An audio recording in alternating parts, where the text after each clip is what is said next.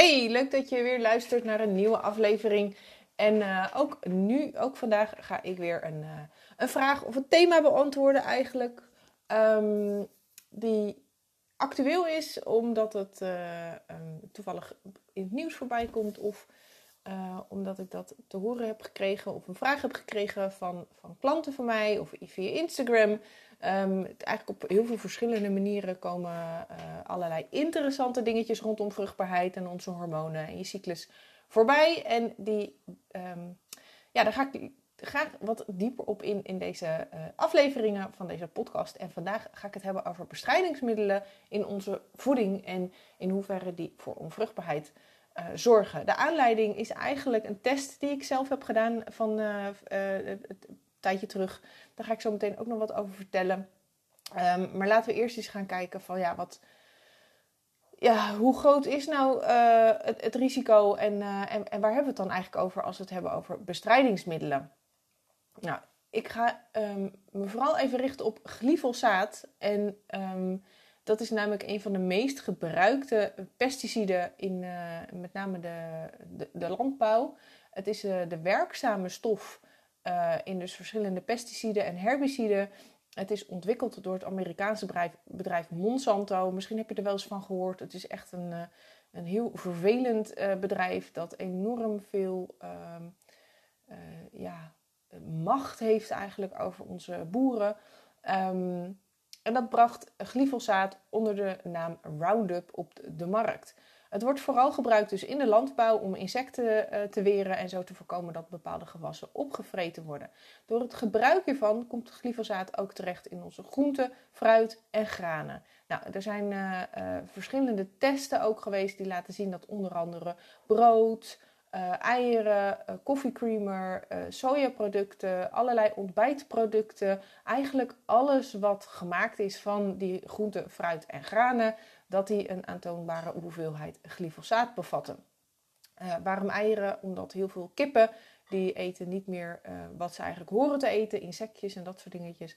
Maar die krijgen dus die granen en die soja te eten die, uh, ja, waar, waar glyfosaat in zit. En dat komt uiteindelijk dus ook in die kippen terecht door deze producten te eten belandt dat glyfosaat in je lichaam waar het ook voor de nodige problemen kan zorgen. Zo kan glyfosaat niet door je lichaam zelf worden afgebroken en wordt het dus opgeslagen.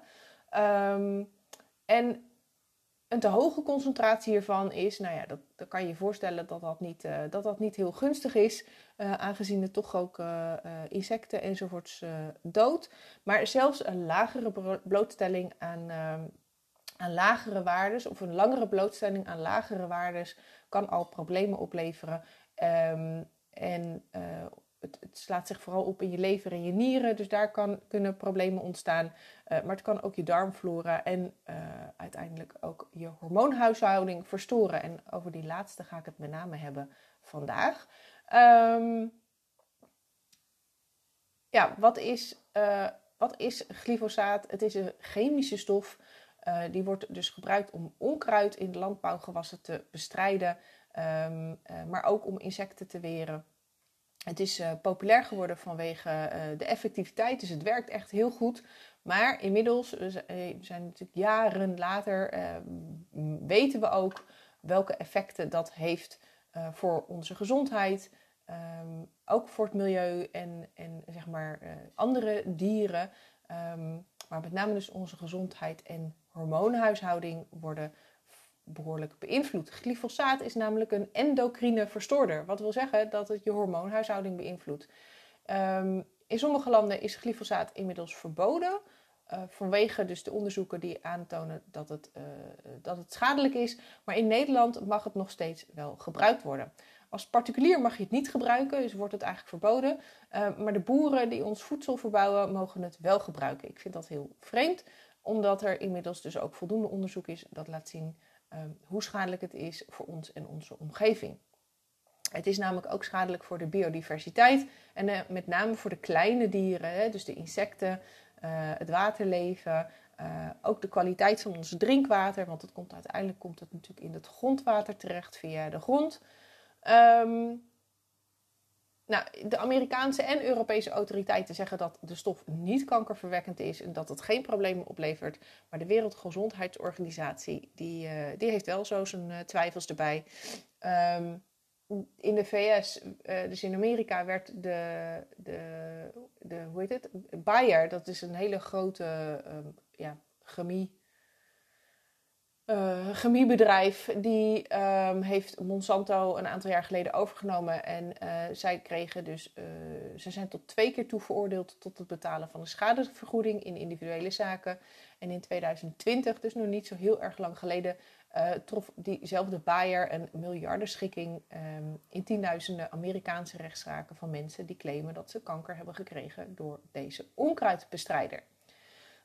nou, in Europa is het dus toegestaan maar inmiddels hebben ook hier al verschillende landen, waaronder België, Oostenrijk, Frankrijk en Duitsland, een verbod ingesteld op het gebruik daarvan. Helaas blijft Nederland achter en staat de, uh, Nederland nog steeds toe dat het gebruikt mag worden. En um, ja, aangezien onze groenten en fruit ook uh, van buiten Europa komen, uh, worden we zo ook aan heel wat glyfosaat blootgesteld.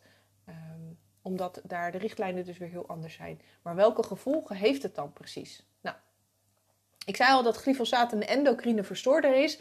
Wat betekent dat het dus je hormoonhuishouding verstoort. Um, uh, net als ook andere pesticiden en chemicaliën die gebruikt worden, beïnvloedt uh, glyfosaat de werking van de hypofyse. Nou, die hypofyse is een kleine klier die zich in je brein bevindt en is eigenlijk het controlecentrum van je hormoonhuishouding. Um, je hypofyse geeft hormonen af die er op hun beurt weer zorgen dat onder andere je schildklier, maar ook je eierstokken ook weer bepaalde hormonen gaan aanmaken in de juiste hoeveelheid en op het juiste moment. Dus het is eigenlijk steeds een communicatielijntje tussen je hypofyse en al jouw andere hormoonklieren. Glyfosaat beïnvloedt de werking van je hypofyse, waardoor de productie van hormonen verandert. Dus hij geeft niet meer de juiste signalen door. Dit gebeurt onder andere met de hormonen uh, luteiniserend hormoon en het follikelstimulerend hormoon. Nou, deze spelen echt wel een hele belangrijke rol uh, in eicelontwikkeling en met name in de eerste helft van je cyclus. Zo stimuleert LH je eierstokken om oestrogeen aan te maken en heeft het dan ook een hele belangrijke rol in het uiteindelijk tot ovulatie laten komen van die eicel. Ehm, FSH zorgt ervoor dat je eicellen rijpen, dat ze zich dus ontwikkelen op een goede manier. Um, en ook je geslachtshormonen, dus progesteron, oestrogeen, testosteron, worden allemaal beïnvloed door glyfosaat. Nou, bij vrouwen bootst glyfosaat de werking van het lichaams-eigen oestrogeen na. En hierdoor raakt dus je eigen oestrogeenhuishouding verstoord, wat kan leiden tot een onregelmatige cyclus, problemen rondom je menstruatie, onregelmatige ovulatie en zelfs problemen met de innesteling van een bevruchte eicel. Nou, en al deze dingen beïnvloeden de kans op een gezonde zwangerschap natuurlijk op een negatieve manier. Bij mannen kan de blootstelling aan glyfosaat de kwaliteit van het sperma aantasten. Er zijn aanwijzingen dat uh, glyfosaat de productie van sperma kan verminderen, dus de hoeveelheid, um, uh, maar ook de bewegelijkheid en morfologie. En uh, hierdoor zijn er bijvoorbeeld veel minder spermacellen, maar de kwaliteit en de bewegelijkheid zijn ook verminderd, waardoor dus de kans op een succesvolle bevruchting een stuk kleiner wordt. Dan vraag je je misschien af, ja, hoe ernstig is het probleem nu echt? Want de Nederlandse overheid die keurt het gebruik van glyfosaat goed. Um, um, dan zal er, hè, dan is het misschien allemaal niet zo heel erg spannend. Dit had ik in eerste instantie ook wel deels. Um, vanuit mijn opleiding weet ik wel dat glyfosaat en andere bestrijdingsmiddelen niet goed voor je zijn. Maar hoeveel er dan ook werkelijk in je systeem terechtkomt, dat is mij eigenlijk nooit duidelijk geweest. Daar heb ik nooit echt antwoord op, uh, op gehad. En um, dus ik dacht een aantal weken geleden, laat ik dat gewoon eens zelf gaan onderzoeken. Ik hou er wel van. Ik doe vaker van dit soort experimentjes op mezelf. Um, dus ik heb een, uh, ik heb een test uh, laten doen Um, want je kan namelijk door middel van een urinetest kan je, een, uh, kan je meten hoeveel glyfosaat er in je systeem zit. Ik schrok nogal van die uitslag. Um, het is namelijk niet zo dat ik alleen maar biologische groenten en fruit en granen eet. Maar ik let er wel op en ik ga wel voor de biologische variant als die beschikbaar is. Ik, ik probeer sowieso op mijn voeding te letten. Toch had ik een behoorlijk behoorlijke hoeveelheid glyfosaat in mijn systeem volgens de test. Nou, hoeveel dan? Bij de test wordt een waarde dan um, kleiner dan 1,4 nanogram per milliliter als referentie aangehouden. Nou, dat is even een getal, 1,4. in het ideale geval is de hoeveelheid in jouw systeem dus lager dan die referentiewaarde. Hoe lager, hoe beter. Uit mijn test bleek dat ik 1,27 nanogram per milliliter in mijn systeem had zitten. Dit is slechts een klein beetje onder die 1,4, de referentiewaarde. En volgens het testrapport, er zit dan zo'n zo'n metertje bij je. Dat gaat van uh, lichtgroen naar donkergroen, naar oranje, naar rood. Ik zat in het oranje bereik. Nou, heel eerlijk, eh, ik had het niet echt verwacht dat het zo hoog zou zijn. Dat er, dat er glyfosaat in mijn systeem zit. Dat, ja, dat is bijna uh, een gegeven. Hè? Dus, dus, dus wij worden er gewoon aan blootgesteld. Maar hoeveel dat dan uiteindelijk is, dat had ik dus niet verwacht. Um, maar het geeft dus ook alweer extra stof tot nadenken. In, in mijn geval dan. Um, van ja, oké, dan, dan probeer je dus een beetje op te letten met wat je doet. Ik, ik doe dat echt niet heel, uh, heel, heel strikt. Ik ga echt niet voor alleen maar biologisch. Maar dan zie je dat, dat, toch, uh, nou, dat die hoeveelheid glyfosaat toch best wel aanzienlijk is.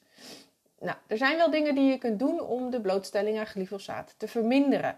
Dus um, gebruik het sowieso niet in en rondom je huis, dus voor eigen gebruik. Uh, er is, het is weliswaar zo dat het in Nederland voor consumenten verboden is om te gebruiken, maar je kan het nog wel gewoon overal kopen. Dus als je gewoon Google en dan Roundup intoetst, dan uh, bij, bol, bij bol.com kan je het kopen, in het tuincentrum kan je het kopen. Dus dat is op zich uh, heel bijzonder. Um, het wordt vaak gebruikt als uh, onkruidverdelger, omdat het het onkruid zo lekker laat uitdrogen. Maar dan komt het dus wel in je directe omgeving terecht. En als je dus de volgende keer je onkruid wil verwijderen, kijk dan eventjes wat je daarvoor gebruikt en of dat niet op een iets, nou ja, milieuvriendelijker en, en ook voor jouzelf hormoonvriendelijkere manier gedaan kan worden. koop groente en fruit zoveel mogelijk uit de biologische tuinbouw, um, hoewel dit ook geen garantie biedt. Dat enerzijds omdat in de biologische tuinbouw worden ook wel bestrijdingsmiddelen gebruikt. Maar glyfosaat en andere producten die in de reguliere tuinbouw worden gebruikt, mogen daar niet gebruikt worden. Maar ze gebruiken wel bepaalde bestrijdingsmiddelen, maar die zijn gewoon veel milder. Um, maar glyfosaat komt in ons grondwater terecht. Dus het komt in de bodem terecht. En het kan dus zijn dat het dan toch via het grondwater op biologische akkers terechtkomt. Uh, dus dan kan de boer van bovenaf kan misschien wel de juiste dingen doen, maar dan wordt het dus van onderaf worden die gewassen alsnog eigenlijk besmet met uh, deeltjes glyfosaat. Um, en nogmaals, wij weten natuurlijk niet precies wat er in het buitenland gebeurt. Hè? Dus, dus er zijn natuurlijk best wel bepaalde richtlijnen, ook voor biologische producten. Um, maar ja, komt het echt van buiten de EU, dan, ja, dan is het toch altijd iets, iets minder transparant dan uh, um, wanneer het hier vandaan komt. En er wordt sowieso gewoon best wel nou ja, uh, in de marges gerommeld. Want uh, de, hoe heet het, de fabrikanten en de supermarkten willen natuurlijk hun producten zo goedkoop mogelijk inkopen. Dus, dus het is altijd, daar zit altijd wel een spanningsveld. Um, en wat ook heel goed is om regelmatig zwavelhoudende groenten en uh, producten te eten, zoals bijvoorbeeld uien, prei, kool, spruitjes, broccoli, bloemkool. Uh, en ook voldoende antioxidanten binnen te krijgen. Want beide ondersteunen je lever en daarmee dus ook het ontgiftingsproces om chemicaliën weer uit je systeem te krijgen. Nou, glyfosaat is dus een serieuze factor om rekening mee te houden als je een kinderwens hebt. Maar het is waarschijnlijk niet de, het hele verhaal. Hè? Dus um, uh, er zijn nog meer factoren die meespelen, zoals bijvoorbeeld genetische factoren, uh, stress, uh, hormonale verstoringen. Je kan het zo gek niet bedenken. Vaak is het een optelsom van al die verschillende dingen. Dus wil je weten wat je nog meer kan doen om je kans op een gezonde zwangerschap te vergroten, dan zou ik je willen uitnodigen voor mijn eerstvolgende masterclass. Die kun je via de link in de beschrijving terugvinden. Um, ik ga dan dieper in op de meest voorkomende oorzaken van vruchtbaarheidsproblemen. En het is ook vooral interessant als je al een tijdje bezig bent uh, en de meest gangbare adviezen zoals uh, foliumzuur slikken of gezond eten of minder drinken en, en dat soort dingen al hebt gevolgd, maar dat het nog steeds niet is gelukt om zwanger te raken. Nou, aanmelden kan dus via de link in de beschrijving van deze aflevering. Je kan me ook even een berichtje sturen, dan stuur ik je de gegevens door. Dit kan bijvoorbeeld via de mail of via Instagram. Sowieso leuk om uh, op Insta een beetje te connecten. Dus zoek me vooral ook even op. En heb je nou zelf een vraag en wil je die beantwoord hebben, dan kan je die dus ook op die manier naar me toesturen. Altijd leuk om vragen van uit jullie zelf te beantwoorden. Um, want dat is natuurlijk, uh, je bent waarschijnlijk niet de enige met die vraag. Dus daarmee help je ook weer andere vrouwen om, uh, ja, om verder te komen in hun zwangerschapsreis. Vergeet ook niet om je te abonneren op mijn podcast, zodat je een melding krijgt als er dus een nieuwe aflevering klaar staat. Uh, dit kun je het makkelijkst doen door op volgen of op het belletje te klikken bovenaan de podcast. Ik kijk er in ieder geval naar uit om van je te horen. Ik hoop dat ook deze aflevering, uh, dat je dit weer interessant vond. Uh, wellicht dat je er een, een vriendin, een zus, een collega mee kan helpen. Dus stuur hem ook vooral even rond. En ik hoop dat je de volgende aflevering er ook weer bij bent. Tot dan!